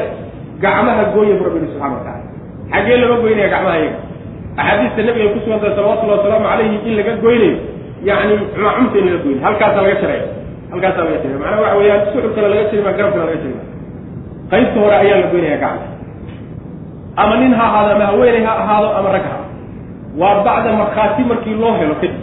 ama isaguba uu qirto. Oo macnaha waxa weye qaraa-intii sharcigu u dejiyey markii loo helo. Gacmaha gooya rabbilahi subxana watacala xoolaha gacanta loo goynayo wax walba oo ruuxu uu xado ama ha yaraada ama ha weynade gacan looma gooyo laakiin gacan waxaa loo gooyaa xooluhu hadday dhan yihiin diinaar diinaar. Yacni diinaar afar meelood marka loo qaybiyo meel ka mid ama saddex dirham markay xooluhu dhan yihiin ayaa gacanta loo iyo wixii ka badan. Sida axaadiista nabiga ku sugan salawatullahi wasalaamu calayh. Tuqdacu yadu saariqi fii rubci diinaara fasaacida waa xadiidka nabiga sal alay slam yacni ninka saariqa gacanta waxaa loo gooyey diinaar afar meelood loo qaybiya meel ka mida iyo wixii ka badan hadduu xadan baa gacanta loo goy wixii ka yar laakiin gacanta loo goyn maana. Sidaas weeyaan. Marka gacantana halkaasaa laga goynaya. Waxaa kaloo culimmadu shardiyayaan oo jumhuurtoodu ay qabaan xoolahaasi waa inuu ka xado meelaha ay caadiga tahay xoolahaas oo kale in la dhigto. Oo xoolaha macnaha loogu talagalay in sanaadiiqda la geliya ama bunuugta la dhigo. Haddii waddo dhexdeed uu ka qaato iyagoo iska yaalla oo ninkii lahaa uu dayacay oo meelaha uu ka xadaray iyadana gacanta lama goynaya xirsi mislihi waa inuu ka qaato meelihii lagu xifdin jiray meel la meel la mid ah. Meelahaas waa inuu ka qaatan shardigaana ku taban macana arrinkaa waxaad gacmahooda u goynaysaan abaalmarin aad abaal marinaysaan waxay la yimaadeen daraaddeed baa lagu abaalmarinaya iyo in aad nakaal kusa nakaalku waxa weye ciqaab waa la yidhahda nakaalka waxaa kaloo la yidhahdaa biijin. Waa ciqaabta la doonayo inay dadku ku cibra qaataan oo dad kale ay u digto dad kaleeto macnaha waxa weeyaan macnaha waa midda waa midda yacni dibiga gawrac weysh baa ku quus qaadatay yani weysha gawrac dibig baa ku quus qaatay midaasoo kaleeto marka nakaalantaasi waxa weeye ciqaabta aada marinaysaan waxaa lagu quusinayaa qolyo dambe oo rajo ka qaba inay waxadaan saas nakaalka sidaasaa la yidhahda allana subxaana wa tacaala midkii casiisa weeye oo xakiima weye ciddii toobad keento oo intaan gacanta lagu dhino maxkamadda la soo hor istaajinin toobad keentahay oo hagaajiya wixii uu horay u xumay ilahay waa ka toobadbaray macnaheedu waxa weye ruuxa saariqee tuugga ah hadduu toobad keeno dembigiis ka soo laabto intaan la qabanin ka hor ilaahay subxaana wa tacala waa u dembi dhaafaya laakiin wixii uu xaday loo dhaafi maayo. Waa tii horoo kalete ka dhigata wixii xaqul aadamiya ee uu xaday waa inuu gudo dembigiibuusan rabbi subxaana wa tacala ka dhaafaya uu isaga ka galay. Macana wasaariqu haween midka ninka tuugga iyo wasaariqatu haweenayda tuugtaa faqdacu gooya aydiyahumaa gacmahooda gooya jazaan abaalmarin daraaddeed u gooya bimaa kasaba bisababi maa kasba kasaba waxay kasbadeen darteed nakaalan ciqaab iyo macnaha waxa weye quusin daraaddeed oo min allah xagga alla ka ah. Aad ku quusinaysaan qolyo kale. Waa ciqaab aad ku quusinaysaan qolyo kaleeto oo dembigan geli lahaa iyo biijin aad ku biijinaysaan. Wallahu alla casiizun midkii haaliba way xakiimun oo falsan oo farsamo wanaagsan. Faman taaba ciddii toobad keenta min ba min bacdi dulmihi dembigaa tuugnimadee uu galay kadib iyo gardarradaa kadib wixii toobad keena oo wa aslaxa hagaajiya wixii hadda ka hor u xumeeyo camalkiisa hagaajiya oo markaa kadib tuugnimada iska ilaaliyo. Fa ina allaha alla yatuubu wuu ka toobad aqbali calayhi dushiisa. Maxaa yeelay ina allaha alla kafuurun midkii dhaafo weeye raxiimun oo naxariis. Alam taclam sooma ogi. Ana allaha alle lahu alla inuu usugnaaday mulku samaawaati samaawaadka mulkigooda iyo walardu dhulka mulkiga. Yucadibu alla uu cadaabi man yashaau ciduu doono wayakfiru wuu dembi dhaafi liman yashaau ciduu wallahu allana calaa kulli shayin wax walba dushii qadiirun kii awoodo macnaha allah subxaana wa tacaala axkaamtaa uu idiin dejinayo iyo qolyaha uu ciqaabayba mulkigiisay ku jiraanoo waa addoommadiisii siduu doonuna ka yeeli sidoo kaleetana alla aakhare marka la tago cidduu doonuu cadaabi cidduu doonana wuu u dembi dhaafi maxaa yeelay waa addoommadiisii oo isagaa maamulaya cid la ula talisan ma jirto rabbi subxana wa tacala wax walbana alla midka awoodo weeye subxaana wa tacala alam taclam sooma ogid ana allaha alle lahu alla inuu u sugnaaday mulku samaawaati samaawaadka mulki way iyo walardi dhulka boqortooyadiisa iyo maamulkiisa iyo tasarufkiisa inaysa gacantiisa ku jirto lala wadaagin yucadibu alla wuu cadaabi man yashaau cidduu doono addoommadiisa ka mid wayakfiru wuu dembi dhaafi liman yashaau cidduu doono addoommada ka midana alla wuu u dhaafi wallahu allana calaa kulli shayin shay walba dushii qadiirun kii awoodo wey cid u diiri kartana ma ay jirto rabbi subxana wa tacala wallahu aclam wsala allahuma wasalam cala nabiyina muxamedin wacala alihi wasaxbi wasalam